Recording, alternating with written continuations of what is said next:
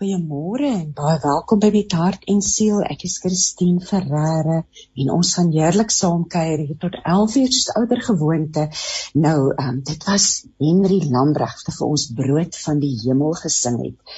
Vandag gesels ek met Lenet Leybag. Sy is die nuwe uitvoerende hoof van Geopende Deure.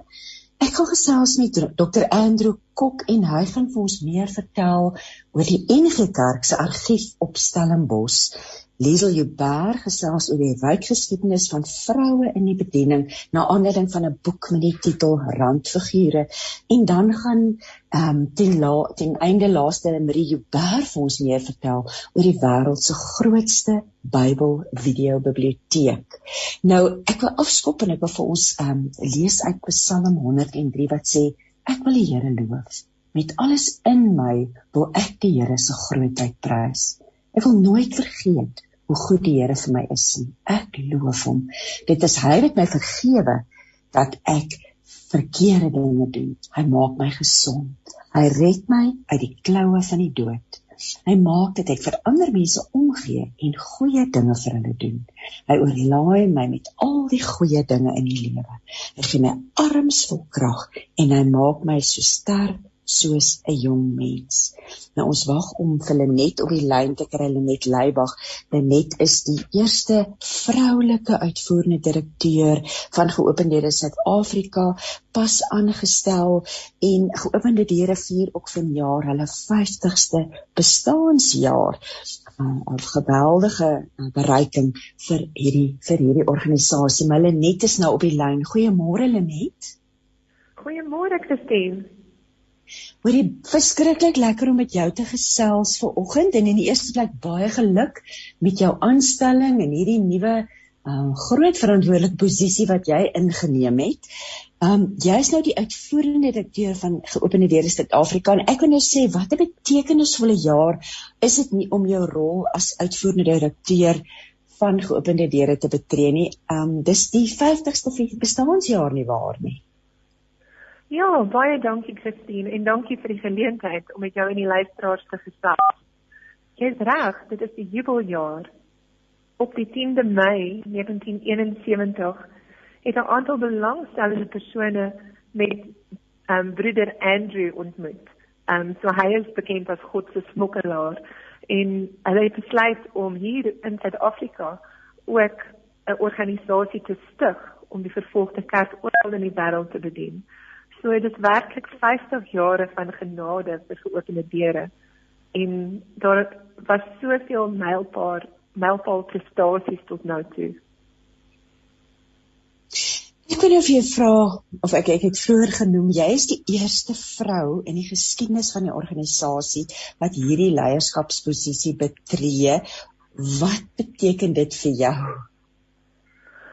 Um, dit is beslis 'n voorreg Uh, ek weet dat die Here my voorberei het vir die rol deur ryk ervaring in verskeie organisasies tot nou toe tydens my loopbaan, maar dat hy ook erg aan my moes skaaf om my vir so 'n besondere bediening um, en leierskapsrol reg te maak.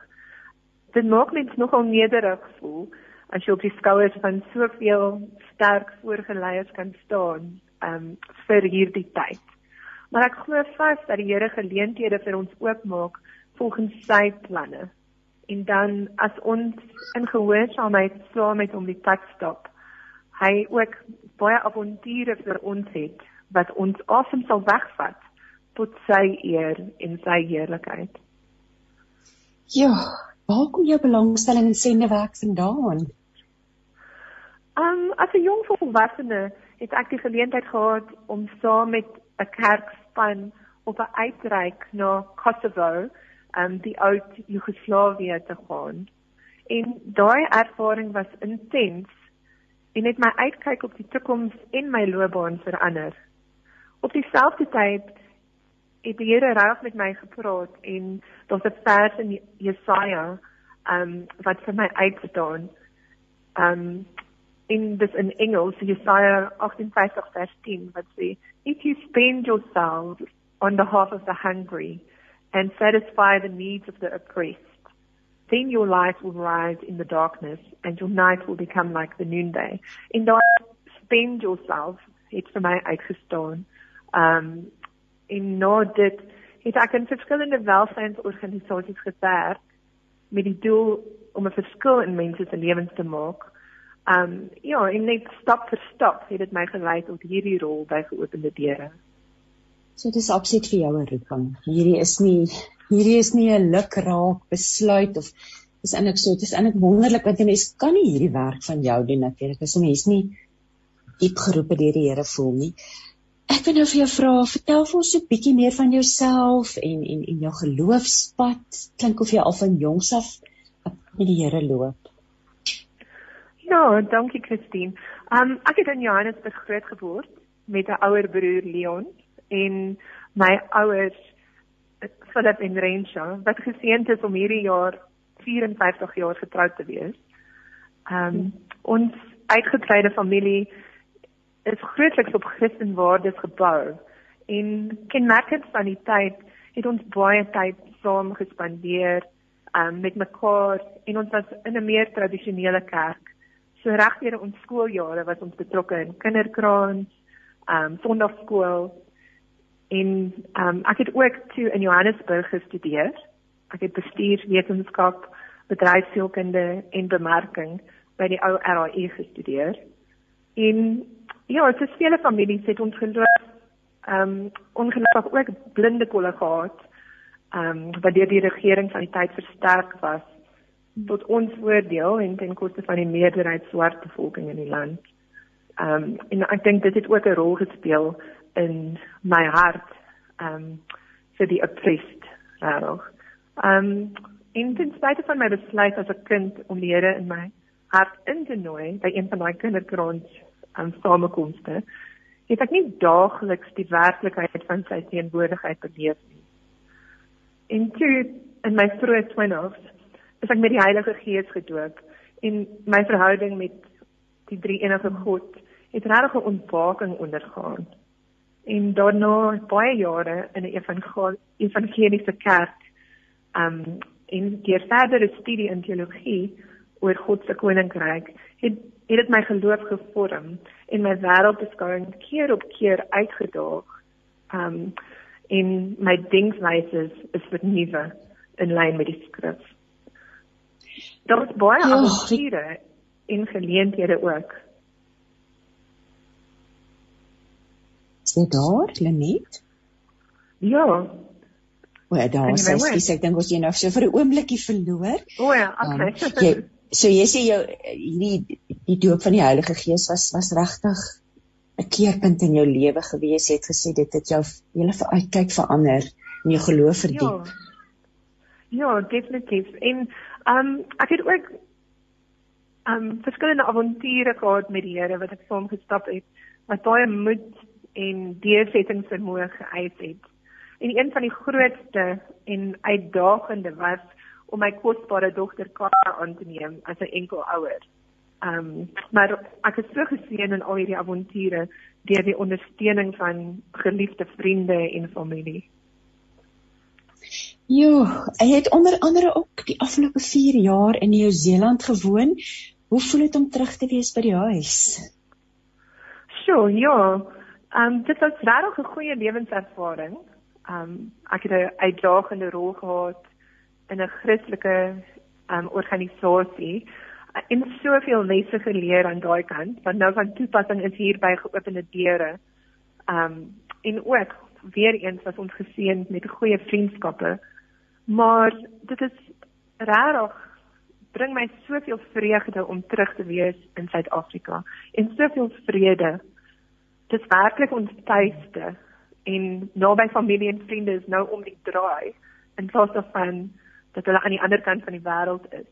So ten spyte van die uitdagings in ons land is die Here tog so intiem betrokke met elkeen van ons lewens en omstandighede. En ja, dit is regtig net fantasties om terug te wees. Wou jy terugkom of het het hierdie geleentheid oor jou pad wat oor jou pad gekom het jou half genoop om terug te kom? Um beide. Ek dink ek was regtig homesick geweest um, aan die ander kant van die wêreld en as gevolg van die pandemie ehm um, was dit nie meer so maklik om net te kom kuier nie. Ehm um, so ek het regtig my mense gemis. So dit was deel daarvan, maar ook die geleentheid het oor my pad gekom en ja, dit dit was net die die regte tyd um, om terug te kom. Ek wil nou met jou vir jou vra oor die visie want dit is 'n 'n gevestigde ou organisasie met 'n wonderlike fondasie. Jy het nou vir ons begin vertel weer ons herinner aan aan broer Andrew wat dit gestig het uit te kyk om om te sien na die belange van die vervolgde kerk. So ek wil vir jou vra wat is jou visie want ek neem aan Nieu-Seeland is is is wel is baie gefokus of jy is baie bewus van die probleme wat daar met die vervolgde kerk is in die Suidoos-Asiëse lande nie.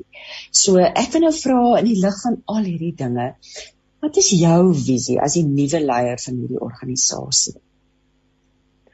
Ja, um dis interessant. Ek dink een van die die grootste dinge vir my is dat ons hier in Suider-Afrika regtig met mense kan werk om geopende deure te sien as die brug tussen ons hier die Christene in Suid-Afrika um, en ons mees vervolgde familie wêreldwyd. Sodat ons verbind kan wees om beide gelowiges hier te versterk deur die voorbeeld van die vervolgde kerk in ons eie geloofspaaie om meer om te lees, om meer te leer, om um saam te bid. Um sodat ons sal ook leer hier om vreeslose geloof en vertroue te hê in die een wat lewe en dood beheer.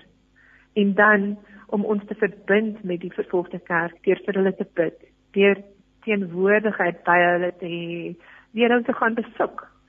Um om 'n stem vir hulle te wees in ons eie kerkgemeenskappe of vrywillig om as 'n vrywilliger te help te werk. Ehm um, in wat vir my uitstaan hier by ons kantoor is daar 'n pragtige kan ehm um, tuin in die middel van die kantoor. Dit is 'n oase wat skuilings en versorging bied. In in die skrif ehm um, Psalm 1 vers 3 sê soos 'n boom wat by waterstrome geplant is, wat op die regte tyd vrugte dra en waarvan die blare nie verdroog nie, voorspoedig in alles wat hulle aanpak. En my visie is dat geopende deure dit sal wees um vir die vervolgde kerk met natuurlik um ons die betrokkenheid van ons vennote hier in Suid-Afrika het nou nou so 'n interessante ding genoem en dit is regtig die waarheid. Um ek dink ons was al almal blootgestel aan iemand wat by ons kerk kom gesels het oor die oor vervolgde kerk en dan word mense regtig net oorkom met so diep dankbaarheid dat ons die Here in vryheid kan aanbid en en dat daardie mense aanhou en aanhou en net vreesloos amper voortgaan hè en en en die rol dan van die organisasie om hulle te ondersteun. Ehm um, ek wil nou vir jou vra, is daar lande wat jy meer in ge, geïnteresseerd is as ander? Wat of, of lande wat jou dalk bietjie meer fascineer as ander? Ja, ehm um, dis interessant. Ons sê die wêreldwaarnemingslys wat elke jaar geloods word en vir volgende jaar word hy in Januarie geloods vir 2021. Um ek was twee weke terug um op 'n besoek na een van die lande in um die Midde-Ooste. En ja, ek dink daar's lande um in Noord-Afrika en die Midde-Ooste waar dit net soveel kos om Jesus te volg. Um in ja, in daardie lande sal ek baie belang. Wat is die ons het al 'n bietjie daaroor gepraat vroeër in die jaar, maar net om die luisteraars te herinner, watter is die top 10 lande waar Christene die meeste vervolg word op die oomblik? Wel, op die oomblik, ehm um, hierdie jaar is Noord-Korea hy's nog al vir jare ehm um, op die top 1. Ehm um, volgende jaar ons is nie heeltemal seker want die navorsing is nog ehm um, aan die gang, maar die situasie in Afghanistan beteken dat beide miskien die nommer 1 ja, posisie gaan ja. haal die jaar. Ja. Ehm um, so daardie lande, maar dan is daar ook lande in ehm um, Afrika, Nigerië, ehm um, wat in die top 10 is, ehm um, as gevolg van die gewelddadige vervolging. Ehm um, en dan in Sentraal-Afrika, die lande in Sentraal-Afrika ook. Ehm um, daar's lande soos Eritrea wat 'n klein bevolking het, net net meer as 5 miljoen mense, maar die vervolging is so hoog um in die land. So um ja, dit um al die inligting is ook beskikbaar op ons webwerf vir mense om na te kyk. Ek wil nou ook net vra 2021 die uitdagings of wat lê nog voor vir die res van 2021 vir vir, vir um, geopende deure? Is daar nog enige vieringe wat plaasvind tussen nou en die einde van die jaar? Ja. Um, so dit is 'n besige tyd met baie geleenthede um vir die luisteraars om deel te wees. Volgende week um gaan ons 'n verslag oor die vervolging van kinders en die jeug en die impak van hierdie vervolging op hulle en dood en dit dit sal baie goeie ehm um, nie maklik nie maar goeie ja. leesstof wees. Ehm um, daarna volg ons op met ons Kersfees tog en insameling um, om kinders en jeug te ondersteun dan spesifiek hierdie jaar. Ons loods ook ons nuwe geskenke van hoop katalogus so bydraes vir spesifieke areas van nood kan daardeur gemaak word. Um dit sal ook 'n gepaste Kersgeskenk vir geliefdes wees om um, een van daai geskenke van hoop te koop. Um maar ja, in terme van uitdagings vir die organisasie vervolging wêreldwyd stabiel of vererger. Ehm um, daar is regtig nie verligting vir 'n groot getal soos 340 miljoen mense wat daagliks vervolg word vir hulle geloof in Jesus. Nie. So ehm um, dit is 'n groot ehm um, uitdaging. En dan is daar natuurlik die impak van die pandemie, ehm um, ekonomiese omstandighede, met 'n verhoging in werkloosheid ehm um, wat dit moeiliker maak vir die vervolgde Christene, maar ook vir ons as 'n organisasie, ons het soveel getroue ondersteuners.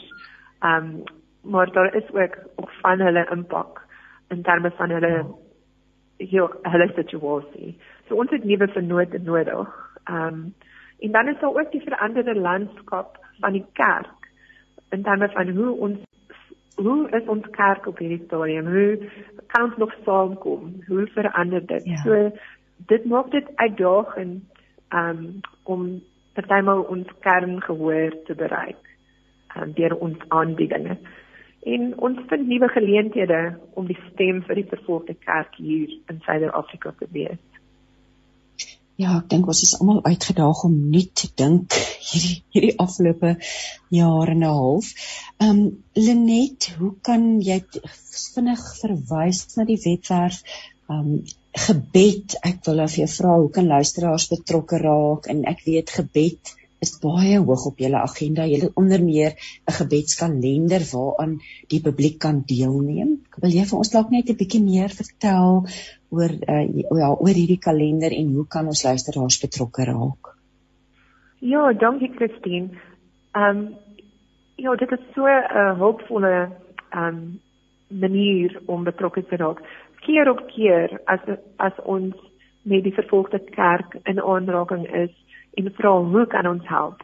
Dan sê hulle bid, bid en bid. Dit is ja. regtig nie die laaste ding op die lys om te doen nie, dit is die eerste ding om te doen. En ehm um, ons het elke jaar die die kalender vir gebed wat mense kan ehm um, of op ons webwerf kry of ons kan dit uitstuur as ehm um, die luisteraars ons kontak. Ehm um, so dit is definitief ehm um, ek sou sê leer meer oor die vervolgde kerk skryf aan ons om deel te wees van ons nuusbriewe.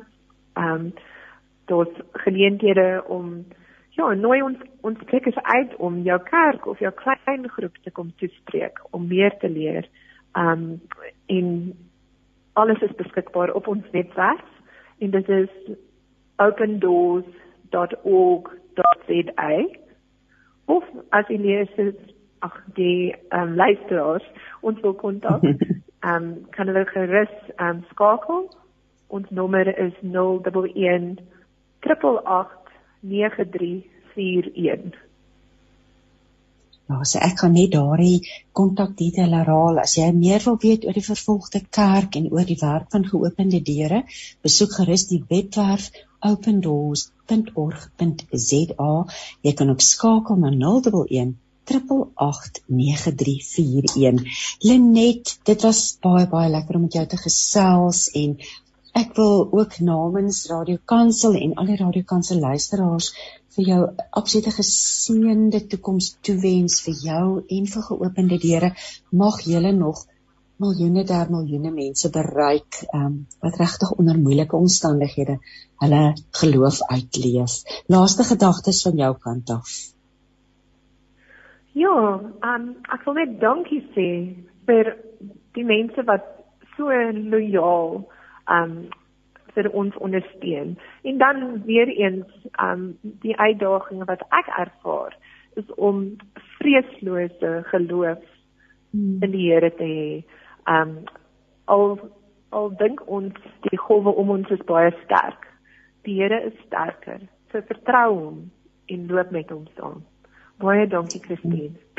Ag, dankie Lenet en dankie vir daardie pragtige versterkende herinnering. Die woord van die Here is woorde van lewe. Jy hoor dit op 657 Radio Kansel en 729 Kaapse Kansel. Jy luister na met hart en siel. Ek is Christine Ferreira en nou gaan ek gesels met Dr. Andrew Kok, hy is die bestuurder van die NG Kerk Argief op Stellenbosch. Môre Andrew. Goeiemôre Christine. Hoorie, dit is baie baie lekker om met jou te gesels. Ek het so met 'n ompad via randfigure het ek en jy mekaar te doene gekry en ek is baie geïnteresseerd in wat jy alles doen, maar ek wil eers begin om vir jou te vra, waar het jou belangstelling in die geskiedenis vandaan gekom? Argief geskiedenis is vir my loop hand aan hand. Waar het jou belangstelling vandaan gekom? Christine in 1938 was my oupa een van die touleiers van die Ossewa gedenktrek en hulle het elkeen so 'n baie mooi leergebinde boek gekry. En agter in hierdie boek was daar 'n uh, familieboom wat 'n mens kon voltooi en ek het toe die boek geërf in my laaste hoërskoolloopbaan. En ek het besluit maar ek moet dadelik hierdie boom invul en ons familie is gelukkig ons uh my mense woon sê dat 1721 op dieselfde familieplaas. En daar 300 jaar se geskiedenis gelê en ek kon dadelik begin om uit die familiekerkhof uit my familiewoon te begin aanvul maar mens kry nie alles daar nie. En so het my pad begin loop by die kerkargief. Uh want hier lê die bronne, die trouregisters en huweliksregisters. En dit het gemaak dat ek uh, op 'n gereelde basis by die kerkargief gekom het. En dit was eintlik die begin van 'n baie lang verhouding en min wetende dat ek later in my lewe self hier sou kom werk. Uh ander deel van die geskiedenis was die genealogiese genootskap en die genote vereniging waarby ek ook betrokke is. Waar ek dan ook baie kon leer oor ander families en ander dele van ons land se geskiedenis. Ja, so geskiedenis is maar my wortels en uh dis vir my lekker om vandag te kan sê amper my stopkaartjie wat my werk geword het. Dit klink na die ideale situasie nie. Andre, ja. kom ons praat 'n bietjie oor jou werk. Ehm um, so jy's 'n akademikus. Ehm um, is, is jy ook 'n predikant? Nee, glad nie. Ek kom uit die bestuurswetenskappe uit. Uh ek het my loopbaan begin by die Atoomenergie Koöperasie as hoof van hulle inligtingdiens. Daarna RAI toe waar ek uh, gedoseer het in inligting en kennisbestuur. Ja, en toe by einde 2017 het ek by die kerk begin as uh die bestuurder van die argief hier op Stellenbosch. Nou vir ons so 'n bietjie meer oor die werk wat julle doen. Dit dit is dalk moontlik 'n wêreld wat min van ons mee te doen het op 'n daaglikse basis, maar so 'n belangrike deel um hierdie ja, die bære van van van inligting. Maar vertel vir ons bietjie wat is al die uitgebreide werk wat die NG Kerk argief doen? Sien soos enige organisasie moet 'n mens uh jou rekords bestuur.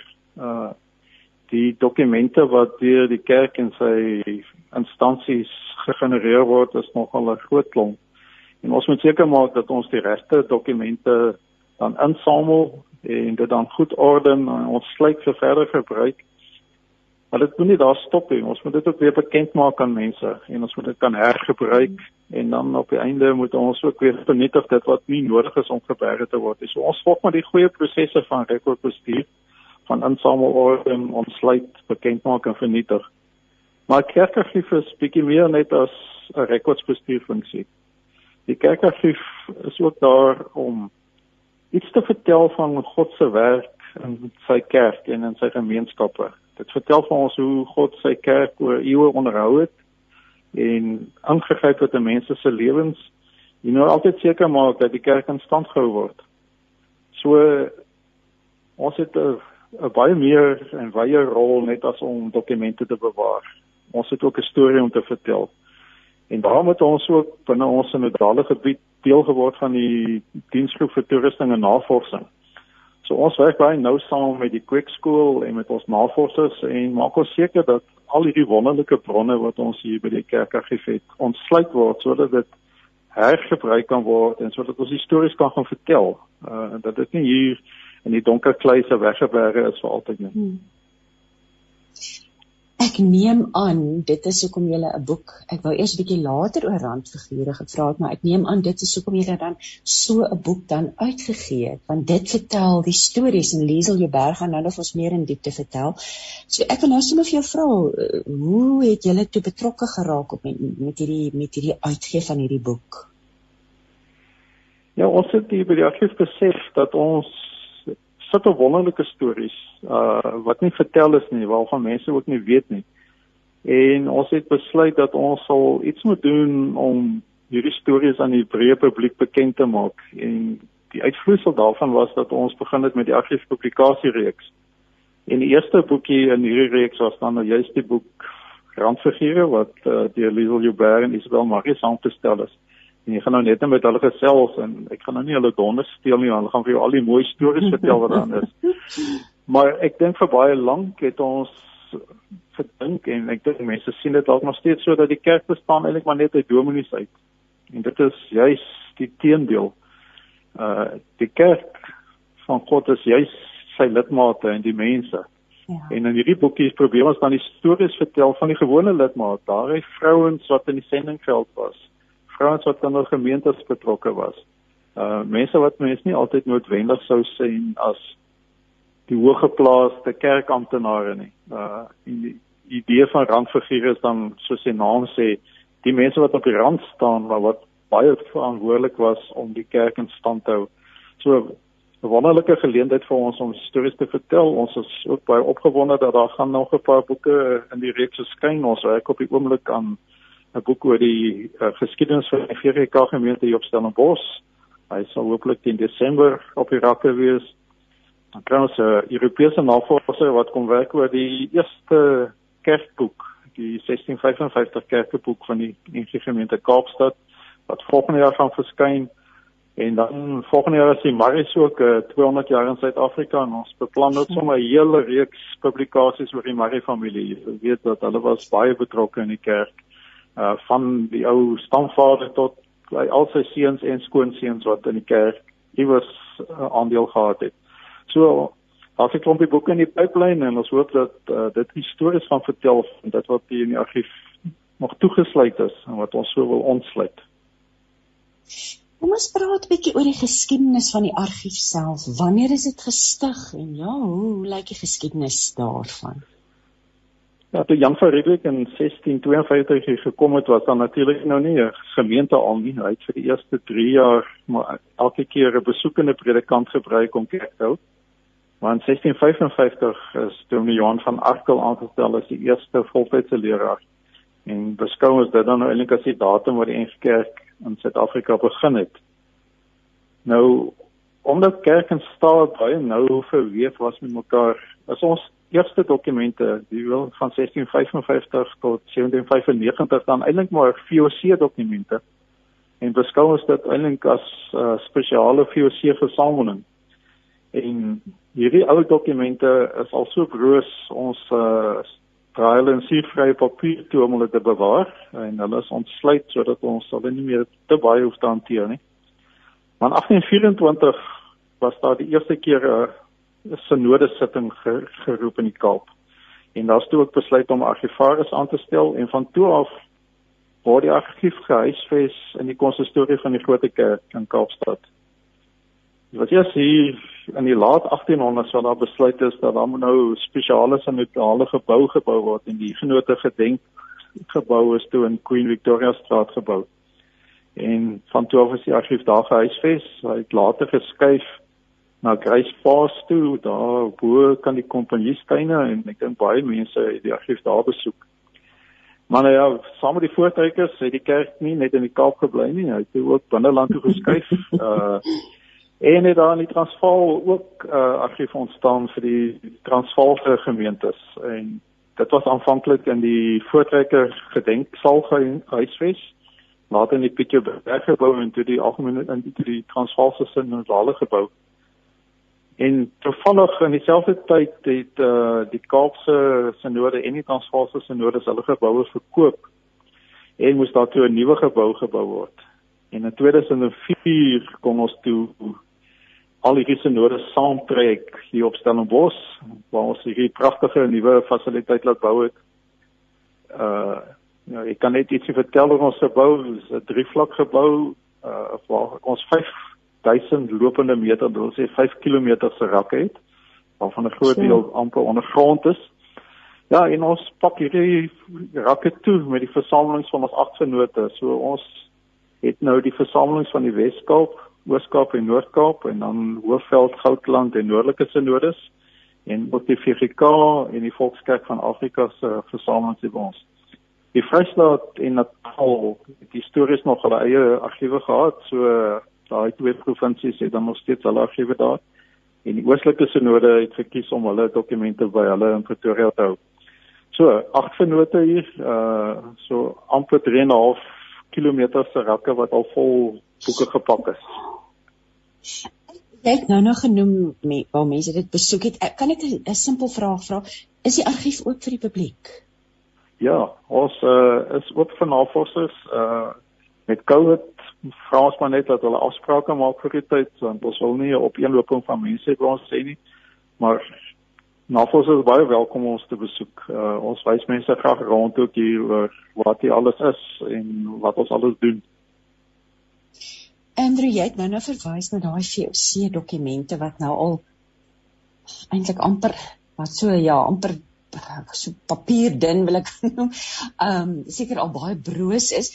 Is daar ander dokumente of geskrifte wat vir jou persoonlik besonderse betekenis inhou?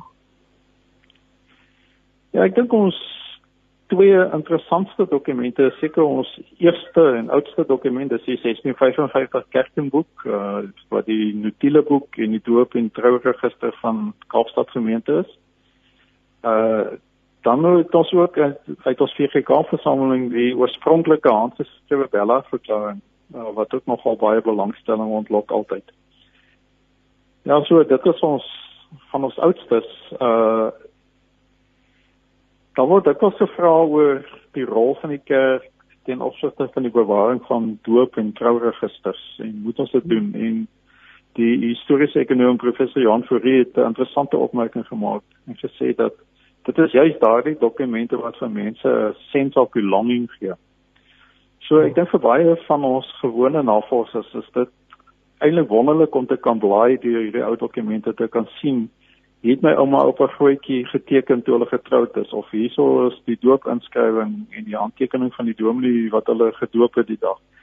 Ja, so daar's vir elke ou ietsie spesiaals hier. Dit is altyd vir ons lekker as ons nou vir weet wie ons besoekers om dan hulle doopregister te gaan uithaal en dan dit vir hulle te kan wys. Uh dit beteken nogal vir mense baie. Ek kan dit net dink. Ehm um, ja, dit is eintlik 'n fantastiese manier om om ons ons nalatenskap op 'n ander manier te bewaar en te bekyk nie. Kom ons praat 'n bietjie oor die geskiedenis en ek wil vir jou vra want ons praat nou hier van ou ou goed, kom goed wat bewaar word. So ek wil nou vir jou vra, hoekom is dit na jou mening so belangrik om nooit die geskiedenis uit die oog te verloor? Ek dink om te weet waar 'n mens op pad is, moet 'n mens weet waar jy vandaan kom. Ons het so baie ja. lesse om te leer uit die verlede uit. Maar ek dink veral in die kerkargief is daar vir ons een baie belangrike aspek en dit is om te kan weet dat ons uit die getuienis wat ons in die dokumente sien, dat God nooit sy kerk laat staan nie. God nooit sy mense laat vaar nie. Uh deur die eeue en dan kyk ons die oorloë die 1918 griep nou ook die 2020 21 ja. pandemie, die droogtes. So dwars deur die geskiedenis kan ons uit kerklike bronne vir mense wys en sê God los jou nie. Hy is altyd daar vir jou. Hy ondersteun, hy sorg vir sy kerk en hy maak seker dat ons altyd kan vorentoe kyk. Dan leer ons uit ons geskiedenis uit en dan moet saam beplan ons vir die toekoms. So ons hier by die kerk glo dat die geskiedenis vir ons 'n belangrike roetewyser is vir wat in die toekoms vir ons wag. Andrew, navorsing is ook natuurlik 'n groot deel van wat jy mee besig is. So ek wil nou vir jou vra, is daar iets wat jy met ons kan deel, enige interessante projekte wat tans in aan die gang is? Ja, ek moet dalk net weer ietsie sê oor ons die die ander van ons argief. Uh mense ja, dink baie keer ja. oor die oor oor die oor die kerk net as as as die kerkraad of as synode sittings of ringsittings. Nou dit is so, ons het al die, die gemeentelike rings en synodale dokumente en dit is dokumente wat binne die kerklike opset baie gebruik word. Maar ons versamelings is so 'n bietjie breër as dit. Uh die kerk het sy vingers op baie plekke in die samelewing gehad. So ons het ook uh dokumente oor kinderhuise, oor ouerhuise, oor die skool vir dowes, die skool vir blindes, ons van die drie kweekskole, die Genote College, die Genote Seminarium. Dit was so 12000 fotos. Ons het die kerklike tydskrifte, ons het pamfletjies en traktaatjies. Uh, ons het 'n goeie reeks van boeke en naslaanwerke en dan terug by die synodes die akta of uh die uh notules van van synodale sittings. Uh, wat belangrike dokumente is vir navorsing. Nou, uit hierdie uit hierdie bronne uit vloei dan dan baie navorsing. So as ek nou vroeër gesê het, ons werk nog nou saam met die kweekskool. So ons maak seker dat ons genoegsame bronne tot beskikking van die navorser kan stel. So ons werk saam met die dosente by die kweekskool om te vra uh, watter onderwerpe doen hulle navorsing en ons verskaf dan die primêre bronne. Maar ons navorsers is nie net beperk hier tot die kweekskole of die teologiese fakulteite nie. Dit is baie interessant dat ons kry nogal baie keer en dis navorsers van oor die hele wêreld. Uh ons het 'n interessant uh, professor in argitektuur uit Amerika hier gehad. En my eerste reaksie was die man is op verkeerde plek. Maar hy was geïnteresseerd in die bou van sendingkerkies. En ons kon nie uit ons bronne uit vir hom wonderlike handgetekende planne van sendingkerkies en voorrade lyste wat van boumateriaal wat hulle nodig gehad het gee. Uh op 'n ander geleentheid het 'n professor uit Italië uit navraag gedoen oor 'n uh, sekere professor Shari wat die eerste vroue professor in die wêreld was in biochemie. En ons reaksie was maar professor, jy is by verkeerde plek. En toe kom ons agter maar sy was 'n uh, professor by die Huguenot College En ons kon genoegsame inligting hier by ons uit die argief uit van gee sodat hy hele hoofstuk oor die dame kon skryf. Ja, dan was navorsers uit Skotland gehad wat oor die glaskyfies wat op die sendingvelde gebruik is kom navorsing doen het. Ons het 'n uh, Duitse persoon wat oor die Reinse kerk kom navorsing doen het. So navorsing hier is werklik waar nie net eng beperk tot gemeentes en synodes nie, maar baie wyeer oor baie gebiede waar die kerke invloed in die samelewing gehad het. Dan het ons natuurlik ook die genealoog, ou wat belangstel in familienavorsing. So hy is baie geïnteresseerd in ons versamelings van doop en trouregisters. Gelukkig is al hierdie dokumente vandag gedigiteer en dis beskikbaar en jy kan dit via ons webbladsy bykom of via Family Search se webbladsy En hoef jy nou glad nie meer stel om bos toe te reis om hierdie navorsing te kom doen nie. Jy kan nou lekker by die huis sit, aanteken op jou rekenaar en jy kan al ons gedifferentieerde bronne dan daar bykom uh en van die huis af jou navorsing doen. Dit is eintlik 'n uitsonderlike gevalle wat jy nou nog hoef stel om bos toe te kom om daarna te kyk. Maar dit is een van ons groot groepe navorsers en wat baie van ons bronne gebruik. Dis daai ouens wat belangstel in wat ja, hulle familiegeskiedenis, waar kom ons vandaan, waar kom ouma en oupa, waar waar eindig die die bloedlyn, waar begin hy? Ja. Um Andrew, ons kom aan die einde van ons gesprek. Ek wil graag weet, jy het nou gesê mense kan aanlyn, hoe wonderlik is dit nie, jy kan aanlyn die argief besoek. Waar kan luisteraars meer oor die argief te weet kom? Is daar 'n webwerf? Waar maak hulle kontak? Ja, Christine, ons hoofwebblad is uh www.kerkarchief.co.za en daar kan jy dan verskillende aspekte van ons werk sien. Ouens wat na ons gedifferentieerde bronne wil kyk, kan byvoorbeeld na die akta daar kyk. Uh die navorsers kan klik op navorsing en as hulle dan 'n bietjie afblaai op die bladsy sal hulle verskillende skakels sien na al die familieinligting. En daar kan kry dan ons 'n tweede sub uh, bladsytjie wat ons bedryf uh, webwerf uh, gemeentegeskiedenis.co.za. Daar vertel ons so 'n bietjie van al die predikante wat in die in die kerk was en ons probeer die gedigiteerde dokumente wat ons al het ook op daai bladsy plaas. En dan ons tydens die Willie Jonker.co.za webbladsy waar ons spesifiek al dokumente van professor Willie Jonker uh bekend maak. Ja, so dis ons drie webblaaie uh, kerkarchief.co.za, gemeenteskiedenis.co.za en williejonker.co.za. En dan soos ek net al gesê het, mense is baie welkom om ons te kom besoek, maak gerus 'n afspraak, ons wys julle graag rond. Ons het so 'n klein museumpie, ons het so 'n paar artefakte wat uit gemeentes gekom het. So ons begin daarmee en dan vat ons julle op 'n toer deur die kluise en wys vir julle al hierdie ou interessante dokumente wat ons hier bewaar en as jy gelukkig is, wys ons dalk vir jou jou doopinskrywing. Ja, Andrew, dis my baie inspirerend. Dis dit is klink vir my na 'n wonderlike draai om te maak as 'n mens weer in die Kaap kom. Ek wil vir jou dankie sê vir jou tyd vanoggend. Jo, dit was regtig lekker om met jou te gesels en en sterkte met julle werk. Ek ons ons is seker ek is seker ek gaan meer te weet kom oor hierdie volgende um, groep boeke wat uitkom, maar maar nogmals dankie en seën vir jou. Ek wil net daardie webwerf herhaal.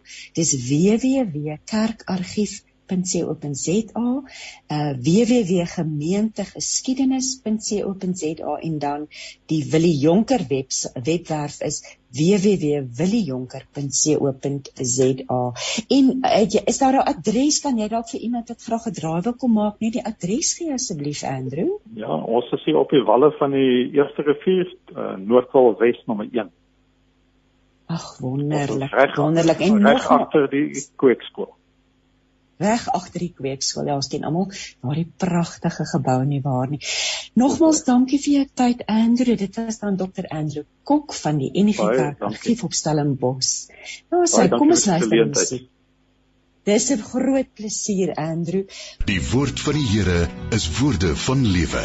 Jy hoor dit op 657 Radio Kansel en 729 Kaapse Kansel. En dit was Moni Jackson wat vir ons gesing het. Dankie Here. Elke talent is in U hand en ek gesels vandag met soveel mense wat hulle talent tot eer van die Here gebruik. Nou is dit uh, Liesel Huber wat aan die beurt gaan kom. Liesel is een van die mede-redakteure van Randfigure Stemme tot nou, die boek waarna Andrew ehm um, voorheen verwys het. Môre Liesel. Um, goeiemôre Christine. Liesel, dit is so lekker om met jou te gesels en wat 'n interessante boek. Hy, o, hy is sommer so swaar in die hand as jy hom optel. Propvol geskiedenis. Jy was die mede-redakteur saam met Isabel Murray. Isabel kon ongelukkig nie ver oggend uh, met ons gesels nie, maar ek wil nou vir jou vra, hoe het jy by hierdie boek betrokke geraak? Um, weet jy, dis eintlik al so half 'n tweede projek. Dit so 'n paar jaar terug het 20 2015-2016 het CLF my gevra om 'n boekie te skryf oor vroue in die sending en ehm um, En op daardie stadium het ek vir Isabel gevra om my te help. Sy was betrokke by die argief en terwyl ons aan daai boek gewerk het, het ons net besef daar's net soveel verhale wat nou nog geskryf moet word. Die gogga het ons maar gebyt. So en dit is so half ons tweede tweede poging, ehm um, die een die randfigure. Ehm um, so dit kom eintlik al van as ek sê was die eerste boek was al vir ICLF inisiatief, maar die tweede het ek en Isabel net gevoel, weet jy, ons wil net graag nog verhale van vroue gaan ontsluit, oorbreek, vertel en verander daarmee inspireer. Ek wil nou jo, ek wil nou vir jou vra, het jy het jy 'n liefde vir die geskiedenis of is dit jy 'n groter liefde vir skryf en mense se stories wat hoe werk? nee, ek is ek is ek was maar nog altyd gelief vir die geskiedenis. Ek is op die oomblik ehm um, dosent in kerkgeskiedenis by die by Stellenbosch Universiteit. So dit was nog altyd vir my vir my lekker om al dit voel vir my die ehm um, die geskiedenis het soveel wysheid die geskiedenis help ons om ons lede te verstaan die geskiedenis is vol mense wat vir ons kan inspireer geskiedenis herinner vir ons aan God se goedheid ehm um, ja en ek het ek het 'n spesiale plek vir vir klein stories vir biografieë vir lewensstories nie net altyd hierdie groot lyne wat ons op skool hmm. leer met datums en oorloë en belangrike manne nie maar my die hierdie hierdie kleine verhale ehm um, wat ons kan gaan herbesoek en wat vir ons weer half sin gee vir ons lewe. Ja, so ek was maar nog altyd my kop werk maar met die met datums in die verlede. Ja, ek was lief vir dit, ja. Maar dis dis so waar wat jy sê, dis hierdie dis hierdie klein die, die klein sogenaamde klein stories wat eintlik die groot stories is, nê? Ja, wat eintlik die stories wat ons is, ja. En ag, die vrou, die rol van die vrou, ehm um, dit is 'n belangrike rol in ons gemeenskap in die kerk oor al die jare. Ehm um, nou hierdie hierdie boek is basies 'n bundel verhale wat onder meer uit argivale navorsing saamgestel is. Ehm um, maar lekker lees, lekker lees, tog is dit propvol geskiedenis. Kan jy vir ons vertel hoe het julle die boek saamgestel? Hoe die proses gewerk en hoe lyk die boek vir mense wat nou nie soos ek hom in die hand voor hulle het nie? Ek ek dink ons ons ons ons het wel altyd twee goed in beheer. Ag, eintlik drie goed. Ek en Isabel het al gesê ons wil 'n mooi boek. Uh, ons hou van mooi boeke. Dit moet nie lyk like, soos 'n swart en wit fotokopie met swart en wit prentjies nie. So so die boek moet self inspireer dan dan het ons glo ons aan akademiese integriteit. So so ons wil weet dat die die inligting daar's korrek. So so die die die die bronne wat ons gebruik het primêr en sekondêr is by die argief beskikbaar gewees. Ons moes in die bokse gaan rondkrap, ons moes gaan navorsing doen um, om om vir die eerste keer baie van daai verhale neer te pen. So daar's daar's 'n akademiese uh, verantwoordbaarheid aan die een kant, maar ons wil dit ook toeganklik gemaak het dat enige iemand dit kan optel en lees. So, so daai balans wat ons handhaaf. So ons het uitnodigings gestuur aan persone wat vir ons in die verlede al gehelp het en vir hulle gesê ons fokus die keer wil wees randfigure, enige iemand wat half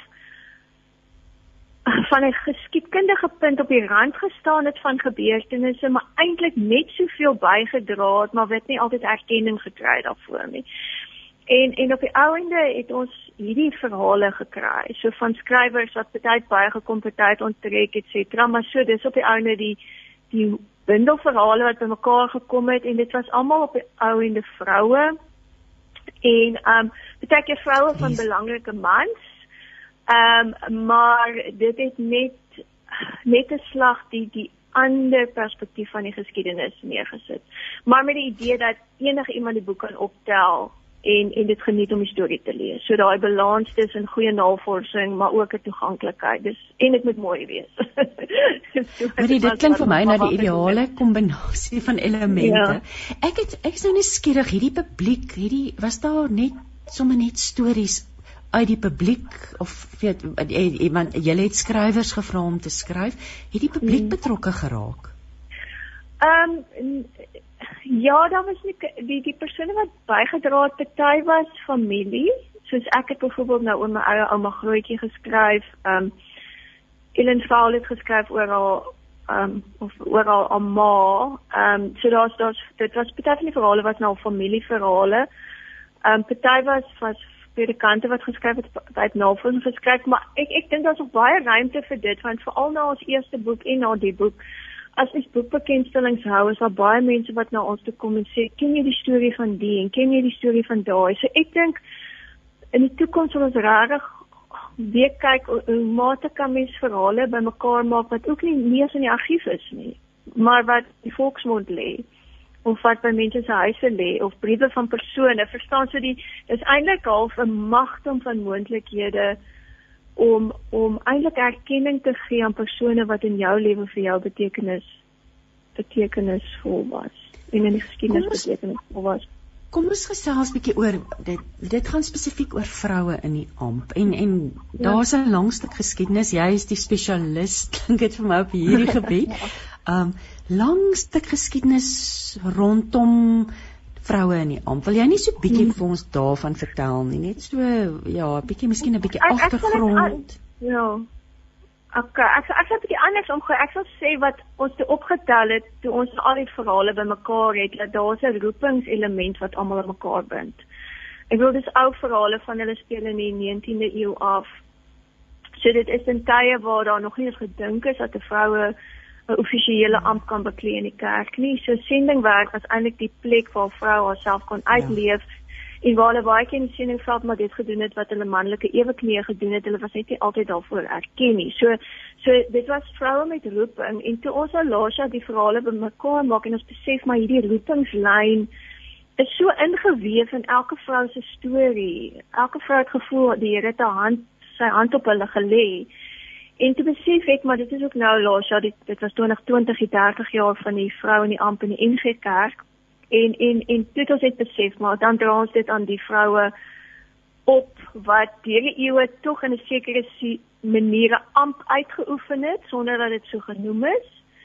En dan in die tyd vroue wat werklik ge gevoel is hulle is geroep tot die amp van predikant. En en en en die die moeilikheid wat maar daarmee gepaard gegaan het ek self het iets daarvan beleef Ehm um, want dit was laas jaar 30 jaar, ek was 20, ek was besig om te studeer vir 'n dominee. Toe mag ek dit nog nie gedoen het nie en en ek het iets van dit in my eie lewe beleef van van ehm um, van roeping en en en en hoe jy met roeping saamleef, maar wat nie altyd deur jou omgewing aanvaar word nie. So ek het 'n soft spot gekry vir die vroue wat so half al het hulle dit nie so genoem nie, het hulle tog ingegaan en en 'n amptelike rol gaan vertolk in in in ver plekke en en ehm um, en iets net gaan uitleef van die Here se hand op hulle op hulle lewe ja. Hoorie ek, ek hier's nou 'n baie interessante hoofstuk en ek wil hê met graag en hy's hy's deur jou geskryf en dit dis sommer vroeg in die boek sê dit uh, mag 'n vrou in die openbaar bid, susters swyg ja. net. So dit is die geskiedenis en dan is daar vroue daar op 'n strand of by 'n rivier. Daar's ontsettende mooi foto's in die boek. Ou ja. foto's, hierdie kom uit die Johannes Du Plessis versameling. Ja. Mag gee vir ons 'n bietjie agtergrond oor hierdie hoofstuk mag 'n vrou in die openbaar bid. Ja, dit is 'n ou debat gewees daar in 1903, 1904 rond, want want kyk jy onderskeid in die Bybel en wat wat of hoe dit in die Bybel gesien is deur die lesers is dat 'n vrou moet net nie op 'n plek kom dat dit lyk asof sy teach nie. Ehm um, okay, so so dit moet net nie lyk of sy iemand leer nie en en saam met dit gaan dan 'n openbare posisie. So in in hierdie debat het dit gegaan oor 'n persoon wat in die kerkbode geskryf het en gesê het maar by by mekaarkomste mag vroue nie opstaan en hardop bid nie um net mans mag vroue moet maar in hulle harte bid. Want nou nou begin 'n vrou dink as sy hardop bid dat sy in die volgende oomblik kan begin om hardop te teach of te leer of te onderrig. En dit mag nou net nie gebeur nie. En en wat dit eintlik so paradoksaal maak of ironies is dis net na die tweede vryheidsoorlog. Soos net na die Anglo-Boereoorlog waar waar vroue gelei het waar vroue gebid het waar vroue deur ongelooflike goed as vroue deurgegaan het met baie krag en innerlike sterkte om nou alweer in 'n tyd te kom wat wat hulle deur al die goed geleef het om te hoor maar jy mag net nie hardop bid nie want nou nou nou nou ehm um, vervang jy die rol van die een wat onderrig en en en dit was maar nog altyd in die kerk die die vrees dat die vrou mag dien en die vrou mag onderskraag, maar die vrou moet net nie leer nie. Ehm um, en en baie van hierdie vroue waar ons geskryf het, is op die einde vroue wat ingegaan het en wel dit gaan doen het. gaan leer het. ja. Dis, jong, dis dis ja, interessant hoe dit jy nou oor praat en hier's nou byvoorbeeld 'n foto van 'n susters by inkomste in Suid-Rhodesia en net bo kan dit sê dit Een van die redes hoekom jy hierdie bundel saamgestel is juis om stemme wat soms net in sekere ruimtes gehoor is te laat praat. Want op mm. aarde kan ons iemand se bid wegvat. En weet jy ek ek ek weet nie of ek my nou verkeerd verbeel nie, maar nou praat jy baie van moederwysheid nie. As jy ja, daaraan dink, nee, daar's soveel wysheid wat vroue vroue het so baie om te gee en dis juis wat julle toe gaan ontsluit het om hulle te eer hierdie vrouens het mm. wel opgestaan het en hulle was seker maar rebelle in hulle tyd, nê? Nee? Ek ek ek dink dit is wat verskriklik interessant in die geskiedenis van ons land is dat die die die sending was op die ouene die plek waar die vroue hulle self kon uitleef ja. in daardie periode van 1880 af. Dit is my dit is nogal vir my amper humoristies. Iemand soos Alice Brink kon op 'n skip klim en in Sudan toe gaan op haar eie as 'n vrou om sendingwerk te gaan doen. Maar ek dink in daai selfde tyd sou vrou nie toegelaat om sien om gewees te moet sê maar prokureer in Kaapstad te wees nie. So waar jy in jou normale omstandighede verskillike grense gehad het oor waar waar vrou hoort en nie hoort nie en waar daar ruimtes was, het die sending vir hierdie vroue wat miskien affontelistig is of wat net regtig gevoel het maar daar's iets in hulle talent wat hulle wil gaan uitleef, hierdie sending vir hulle daai moontlikhede gegee. So solank as hulle met 'n roepingsbesef gegaan het, kon hulle eintlik baie verder kom in die lewe as hulle as hulle kan jy sê hulle tydgenote in die dorpe of in die stede van Suid-Afrika. Ehm um, en en ek dink dis hoekom daar so baie wonderlike stories veral in die sendingveld is, want dit was 'n ruimte waar hulle eintlik op die ou ende baie meer vryheid gehad het as as op ander plekke. Kom ons praat 'n bietjie oor van hierdie vroue. Jy skryf oor 'n hele klomp vroue. So daar's ja. baie. Maar ek wil nou vir, vir jou vra, is daar van die vroue wat vir jou uitstaan en dit vir my vreeslik lekker wees as jy dalk so ietsie van hierdie vroue met ons luisteraars kan deel asseblief Liesel. Ja, miskien kan ek net so een sinnetjie oor oor van hulle sê. Die die die ja, een vrou ja. gepraat het is Ella Neetling wat wat die wat die wat die redakteur was van van 'n tydskrif. Ehm um, wat eintlik baie leend was haar hele lewe. Ehm um, sy was van die belangrike neteling in Marie familie op Stellenbosch en en hoe sy uh, 'n kindergrond in 'n in 'n sendingtydskrif begin het uit haar uit, uit haar bed uit en en in 'n sekere sin haar posisie ingeneem het as 'n aanvaarde skrywer want want die interessante is in die daar's baie navorsing gedoen hier in die laat 19de eeu as jy 'n vrou is, mag jy nie jou naam op 'n boek sit nie, want as jy jou naam op 'n boek sit as skrywer, dan jy 'n los vrou. so jy mag 'n boek skryf, maar solank jy is, solank jy daar net ehm um, solank jy met jou man se naam daarop sit en ek weet ek dink ek, ek kan nie onthou of dit 'n Netling of Hofmeyer was nie, maar die vrou het 'n boek geskryf en toe was dit self getitel oorlede mevrou dokter professor. Ehm um, hier's 'n vrou wat tog geskryf het en dan het ons ja. ehm ja. um, Andrew Murray se vrou ehm um, Emma Rutherford wat 'n formidable vrou is en wat die wat van van die vroue sendingbond ontstaan het en wat ook hierdie die rol oorgeneem het waaroor ons baie min weet. Ons praat mos maar altyd net van Andrew Murray. Ons het oor Alice Brink wat opgegaan het in in in in die noorde van van Afrika en daar saam gaan sending werk doen het en op die ou ende maar self gepreek het, tekste vertaal het, klas gegee het. My eie ouma se grootjie maak dit blyk 'n vlok um, haar, haar man was een van die eerste sendlinge in in Malawi, um, TCB vlok, hy is baie bekend as jy in die argief gaan rondblaai, ek gedoen het is daar bokse en bokse materiaal oor hom. Maar ek kon haar nie vind nie. Sy was nêrens nie. So dit was reg om iemand te soek wat nie bestaan nie, maar weet jy wat daar? En op die einde het ek 'n bietjie bietjie briewe gekry in die tydperk na sy dood. So om haar verhaal met die minimum inligting te probeer aan mekaar sit. En ons het dan die Audrey van Wyk wat 'n dokter was oor oor in Afrika. Ons het ehm um, um, Nico Smit se vrou Ellen Val Ehm um, wil almal weet van Nico Smit en sy sy werk in in Mamelodi, maar ons ons ken nie haar verhaal nie. Sy was tog daar saam met hom. En dan het ons ook die verhaal van die eerste ehm um, Sweedse vrou wat as 'n dominee bevestig is in Swede, maar wat getroud was met 'n Suid-Afrikaner. Ehm um, Britta van Sail. So dit is hierdie en dan twee ehm um, dokters, Pauline Marie en Jane Waterston wat in Malawi gaan werk het. Ehm um, ja, so almal vroue wat wat soos ek ek miskien net een ding sê wat my opgeval het met my ouma se verhaal is ehm um, sy het sy het getrou met my ouma grootjie wat ag my oupa grootjie wat sy nog nooit ontmoet het nie en sy het daar gaan bly in Malawi maar sy 20 jaar na sy sterfte nog steeds aangehou werk daar.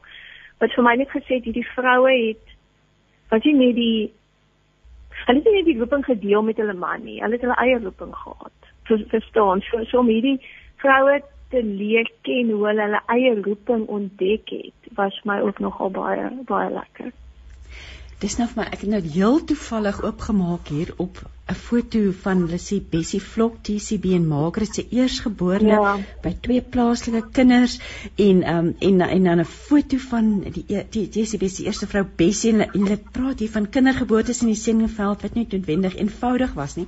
Daar was net 'n geweldige uitdagings vir hierdie vrou, veral in die tyd wat hulle ingeleef het, nê? Ons sê hier is vir die kindergeboortes en, en, is daar dalk 'n staaltjie of twee wat jy kan deel? Ja, ek dink miskien selfs vir my my eie familie. Ek ek ek ek, ek is sommer net hartseer as ek altyd aan dink mens mens wonder wat mens self tot in staat sou wees, maar my ouma grootjie moes haar kinders terugstuur Republiek toe vanweë die vrees vir malaria. Sy het haar eie kinders elke 5 jaar gesien. Sy het kinders verloor. Ehm um, so vir vir baie was was die was die opoffering verskriklik groot. Ehm um, jy kon eintlik nie 'n normale huis huislike lewe gehad het van weer die gevaar van siektes en en sulke goed. So so jy was maar geskei van jou kinders. Ehm um, ehm um, baie sterktes het plaasgevind. Jy ehm um, daar was nie altyd geld dat jou kinders kan kom kuier nie of jy kan kom kuier nie. Ehm um, so die ja, ek dink die die uitdagings rondom mense gesinslewe was was was geweldig. Ehm um, wat mens baie keer ook al die die die negatiewe kant van hierdie hele verhale laat besef het is was dit het hulle ooit 'n keuse gehad kon dit anders gewees het ensovoorts verstaan ehm um, ja dit was nie maklike maklike keuses wat die vroue uitgeoefen het dit het baie vir hulle self persoonlik gekos in hulle lewe ja Maar hulle nalatenskap is massief, nê? Boonbehalwe die mense wat hulle ja, bediening gelei het, het hulle die pad oopgemaak vir vroue in die bediening vandag. Mm -hmm. Ja. Ja, maar ook ook ek ek dink in 'n sin ek is ek is al 30 jaar in die bediening, maar ek ek het nou eers van hulle geleer. dis ek kon dit een rede hoekom mens die verhale moet vertel. Mens mens soek mens soek mense om mee te assosieer maar die geskiedenis vertel gewoonlik net vir ons stories van die mans. So veral soos ek 'n vrou in die bediening, jy jy soek mense met vroue in die verlede wat jy kan sê, "Jo, maar ek ek het 'n ek kan assosieer met die vrou na roeping. Ek kan assosieer met die moeilikheid wat sy daarmee gehad het." Maar daai verhale nie vir my vertel word nie, dan voel ek baie alleen. So so ek dink dis ook golf daai rol in vir die geskied en die geskiedenis dat ons al hoe meer stories vertel wat ander mense mee kan assosieer en wat nie net 'n sekere groep in die samelewing mee kan assosieer nie. Ek sit net dink nou as ek so kyk na al die al die inligting in hierdie boek, hoe lank het dit julle geneem? Dit dit moes seker 'n redelike tyd gewees het. Ja, wie, ek, ek dink ons het in 2018 begin om die uitnodigings so goed gestuur en en dan gebeur die lewe mos en jy kan nie altyd daarby uit nie, maar ons ek ek dink in 'n sekere sin het lockdown nogal vir ons gehelp. Ons ek en Isabel het laas jaar Augustus se kan net besef as as ons druk kan ons die boek klaar kry. So ehm um, groot deel van die werk by die by mekaar kom die redigering, die goeders het laas jaar gebeur, maar dis maar oor die algemeen 'n langer proses as mens moet met skrywers en medeskrywers werk want almal almal se lewe gebeur goeie so om al daai verhale net op 'n plek bymekaar te kry sê dis wat ons het dis waarmee ons gaan werk is is nogal 'n is nogal 'n uitdaging maar dis lekker soos 'n mosaïek. Jy jy plak hierdie stories bymekaar jy maak dit mooi jy besluit tussenin gaan sit ja dit is eintlik 'n baie lekker skepende kreatiewe proses gewees ek wil nou vir jou vra jy het nou verwys na jou na jou eie ouma en ouma grootjie en, mm. en en die impak wat dit op jou gehad het. Ek wil ook vir jou vra watter impak het hierdie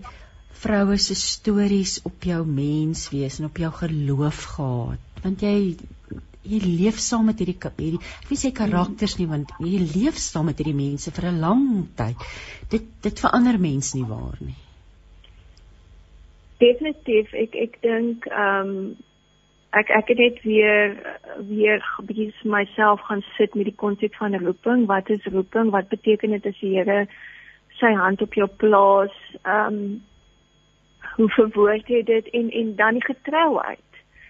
Die getrouheid van God. Die dit dit het my net weer bly geval in al die vroue wat regtig Um, vir my ouma grootjie het ek op stadium gedink as dit ek was het ek nou net my hande in die lug gegooi en weggegaan ja. van waar al die probleme en en hoe hulle getrou gebly het maar hoe God getrou gebly het. Ehm um, ja. dat dat ek ek ek sê altyd ek is verskriklik lief vir die Genesis boek in die Bybel en ek dink dis omdat dit dat die God daar werk in families, die families van Abraham die familie van Isak, die familie van Jakob. Ek het net weer besef dat God werk in in die families in die die kleiner mense in in die persoon wat 'n roeping ervaar en getrou bly en die wederwysige getroue. Dis nie en en en dat daar goed goed laat gebeur het alhoewel ons nie eers van hulle weet nie. So ons gee nou erkenning, maar al het ons nou nie die erkenning gegee nie, was dit wat daar gebeur het nog steeds 'n gegewe.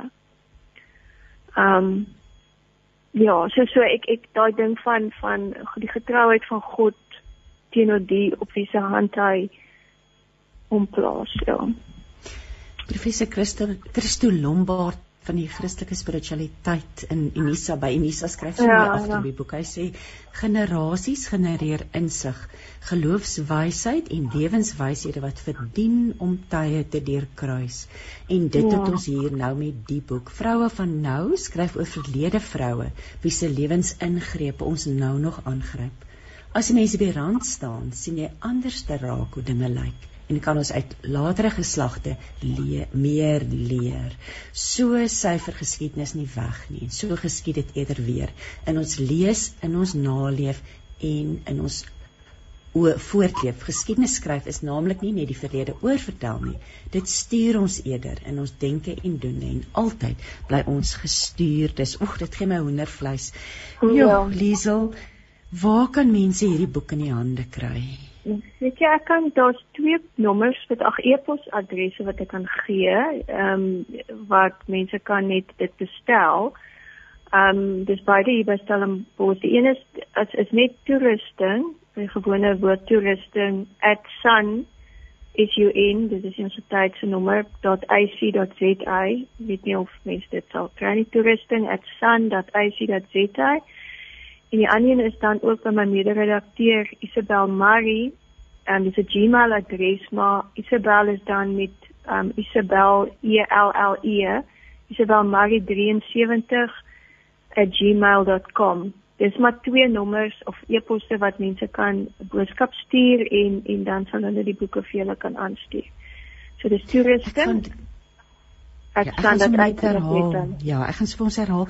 toerusting@sun www.ac.za of 'n e-pos aan Isabel met E L L E Marie 73@gmail.com as jy graag 'n kopie van hierdie lieflike um stuk geskiedenis, um hierdie lieflike vertellinge, randfigure stemme van toe tot nou. Liesel laaste gedagtes van jou kant af. Nee, wat ek nooi maar net mense uit. Ek ek dink um dis 'n vorm van erkenning. Ehm um, en en ek nooi mense uit om al is dit ons sê mos altyd as iemand dood is, ek wens ek het daai persoon se storie geskryf. Ek wens ek het hulle meer uitgevra toe hulle nog geleef het. Ehm um, nie dat die hele wêreld die storie hoef te weet nie, maar dat jy erkenning gee aan iemand se lewe wat vir jou werklik betekenisvol was en ek ek dink dis wat ons wou doen, maar ons kan, elke mens kan dit doen op klein skaal op klein skaal kan ons moeite doen om mekaar se stories tot mekaar te maak en oor te vertel. Hm, ja, daar lê groot waarde. Liesel hm. Baba, dankie seën op jou werk en alles wat jy besig is en die, die studente wat jy beïnvloed en lei. um, ook om hulle roeping uit te leef. Ons dank jou daarvoor. Ons is hier vir 24 uur met die boodskap van die ware lewe op 657 Radio Kansel en 729 Kaapse Kansel en jy luister nou met hart en siel. Ons het so 'n bietjie in die geskiedenis rondgekuier en nou beweeg ons na die toekoms en gaan ek gesels met Marie Baer. Sy is die direkteur van Right Now Media Ministries International in Suid-Afrika. Goeiemôre Marie. Goeiemôre en baie dankie vir die geleentheid. Marie, ons het nou gepraat oor argiewe en oor die geskiedenis en en en die vervolgde kerk en 'n baie verskeidenheid van onderwerpe, maar julle is 'n baie besonderse en unieke organisasie so gepas vir 'n tyd soos die. Vertel vir ons 'n bietjie meer oor julle organisasie Right Now Media Ministries International en die werk wat julle alles doen asseblief. In alledaagse taal is ons die Netflix vir die kerk.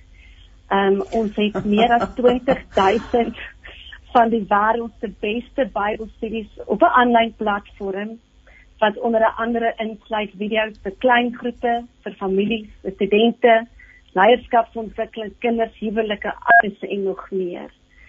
Um as jy is letterlik die... waar Skus toe? Ek sê julle is letterlik die wêreld se grootste Bybel video biblioteek. Ons is ons is ons is en as ons bekend is met um aanlyn platforms soos Netflix en soos Showmax in Suid-Afrika is ons groter met die hoeveelheid wat ons het en dit is net gerig op op op mense wat Jesus lief is. Um as ons kyk na ons missie en ons visie is dit ons glo dat die doel van die kerk in Suid-Afrika en Suidelike Afrika baie belangrik is en ons het oor 'n dekade gesien hoe God mense se lewens kan verander deur video materiaal. En dis hoekom ons raak dan hier begin het om kerke te bemagtig met Bybelgebaseerde inhoud wat hulle maklik en met geruste harte aan hulle gemeentelede kan deurgee. So die ultimate mens kan gebeur dat mense nader aan Jesus kom as hulle nie by die kerk is nie.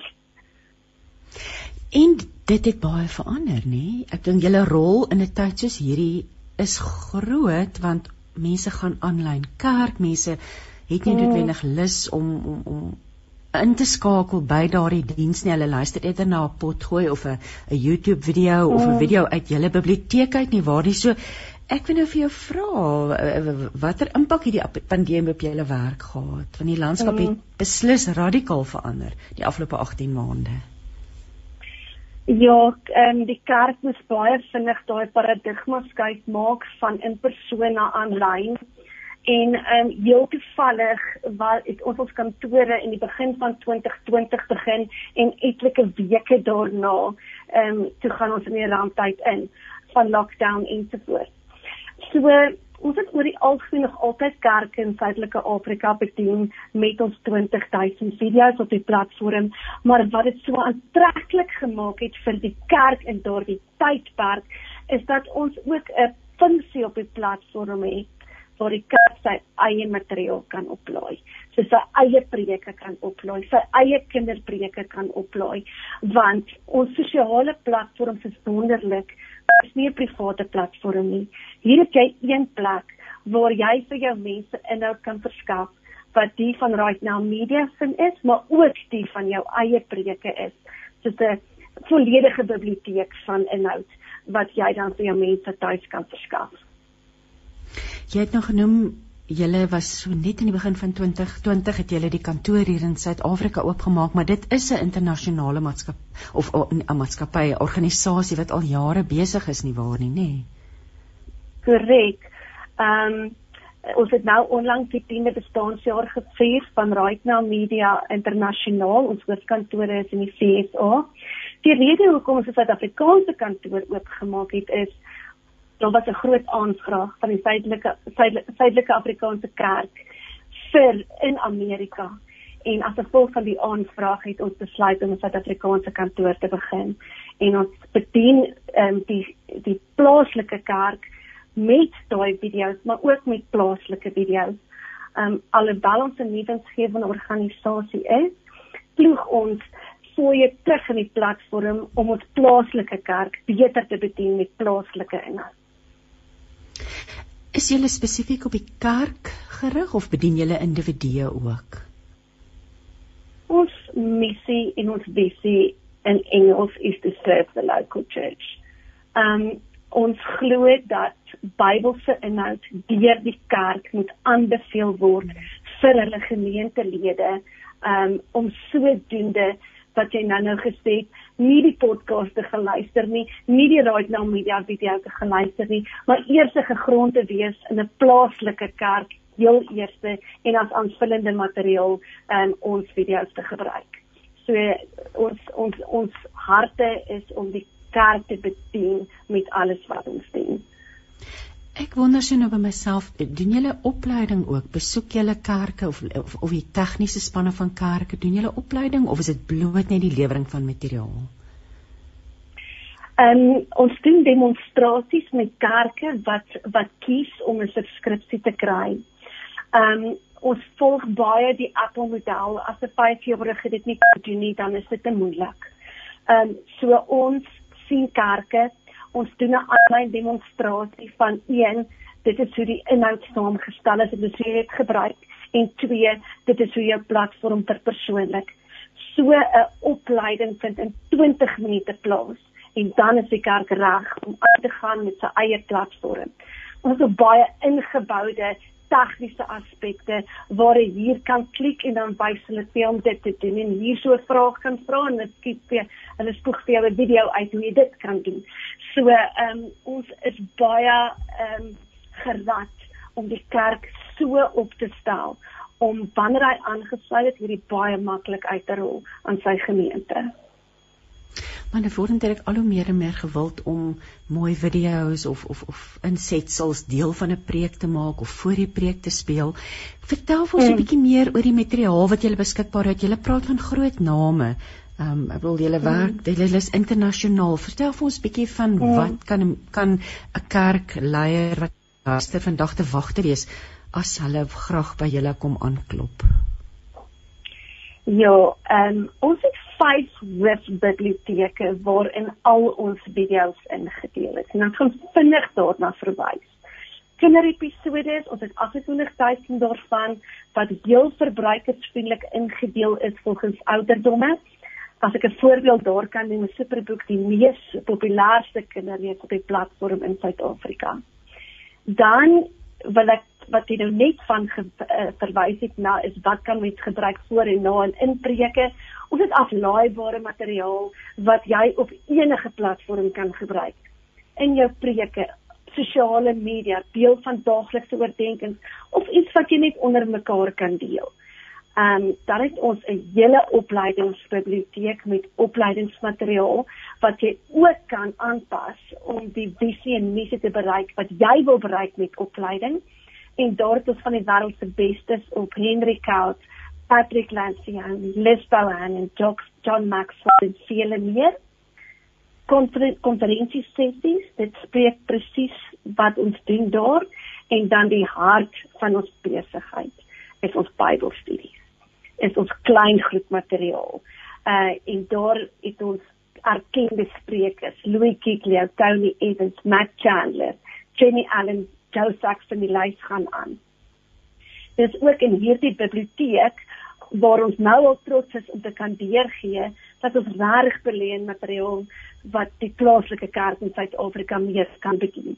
Ehm um, ons het onlangs ons heel eerste eie produksie opgelaai van 'n disipelskap reeks van Stefan Jubber en Johan Smit. En daar is nog 10 sulke ander in ons weekliks of maandeliks van ons net aanvul in daai biblioteek om dan die plaaslike kerk te bedien met plaaslike inhoud. Julle bied ook onder meer die bekende Alpha kursus op julle platform aan, nê? Nee? Ja. Ehm um, interessant genoeg toe ons ons kantoor in Suid-Afrika oopmaak, het ons ook 'n kantoor in die UK oopgemaak, ehm um, in, in Brittanje. En dit het vir ons natuurlik die deure oopgemaak na na Nikki Gamble en sy besigheid Alpha kursus ja sy besigheid en sy bediening. Ehm um, ons het die huwelikskursus, die voorhuwelikse kursus en dan is daar 'n wonderlike klein groep kursus ook op. En is ook uit Brittanje wat ons trots is om te sê dat ons die 24/7 prayer kursusse ook onlangs opgelaai het vir die prayer course 1 en 2 is. So ja, dit is ons vriende in Brittanje wat vir ons help met wonderlike inhoud ook. Kry net so die gevoel van julle bedien mense wat 'n honger het vir die woord en regtig meer wil weet en ek kan die passie in jou stem hoor Marie. Uh, dit is verskriklik lekker is wat jy doen. Ek wil nou ja. vir jou vra jy het net so vlugtig verwys na subskripsie. Is dit 'n mm. diens waarvoor mense inteken? Hoe werk dit? Hoe bekom mense mm. al hierdie materiaal? Alhoewel ons 'n nuwe organisasie is, nie, is ons wel is daar wel subskripsie fooie betrokke vir die een rede. Ons wil aanhou inploeg in die platform. Ons wil aanhou nuwe inhoud oplaai. So al ons subskripsie fooie is op ons webtuiste beskikbaar. Ons wil seker nou nou daaroor praat maar ja. ons werk met die kerkleier. Een subskripsie op grond van hoeveel mense kerk bywoon en almal kry gratis toegang op jou database. As daar 3000 mense op jou database is, dan smeek ons kerke om die uitnodiging aan al 3000 te deel uh te stuur maar eintlik betaal hy net vir 300 mense wat in die kerk is want dit ons is ook 'n disipelskap platform en ons glo met so 'n uitnodiging kan dit ook daai mense terugbring in die kerk. Die subskripsie waar kom 'n mens? Is daar 'n webtuiste waar kan mense meer oor julle te wete kom? die maklikste is om op jou Google search bar in te gaan en net tik in Right Now Media South Africa of Suid-Afrika en dit is die heel eerste webtuiste wat uitges uitgeskop word. Of ons kan die webtuiste volg wat sê Engels verskoon my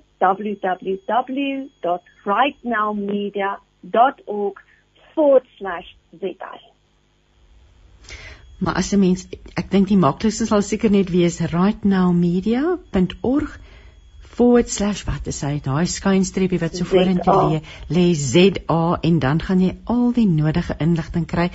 En ja ek ek ek wil nou vir jou vra hoe kies 'n mens? Dit dit klink vir my na 'n geweldige hoeveelheid materiaal wat daar is julle groot werk is seker om dit vir mense logies te mm. orden aanlyn nê? Nee ons het baie goed uiteengesette kanale um onder elke sitopskrif wat vir jou sal sê wat is nuut op die platform? Wat is wat beveel ons aan? Wat word die meeste gekyk in Suid-Afrika?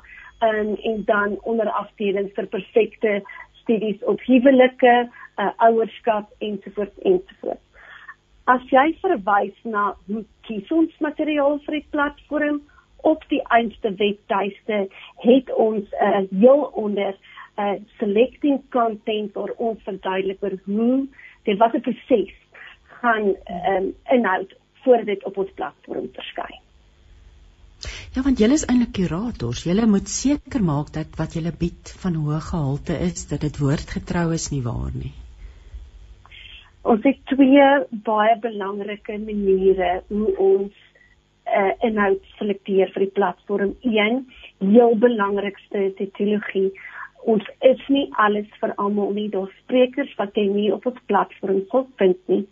En daarom het ons die customizable effek vir mense storie ander mense wat nie op ons platform is nie, se inhoud kan intrek.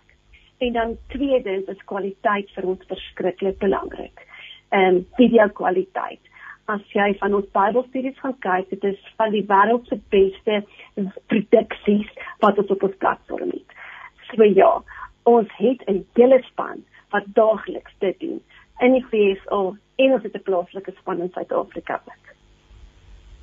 Dit is absoluut wonderlik hoe die wêreld net een groot soos 'n uh, klein dorpie geword het, nê. Nee, hier is ons almal reg oor die wêreld besig om dieselfde goed te kyk en almal deel ja. een groot gemeene ding en dit is die liefde vir Jesus Christus nê nee? en en en, en om ja die kerk en sy kerk te wees uh, ek ek dink dat Andrew Cook het daarna verwys gesê die kerk is nie net die gebou meer nie die kerk is ons mense en en en, en dit het ons ons mee besig hou Marie ek wil vir jou baie baie dankie sê en ek wil sterkte toewens vir hierdie wonderlike projek ons is dankbaar om te hoor dat jy ook nou in Suid-Afrika is en mm. en die plaaslike kerk op 'n wonderlike manier bedien.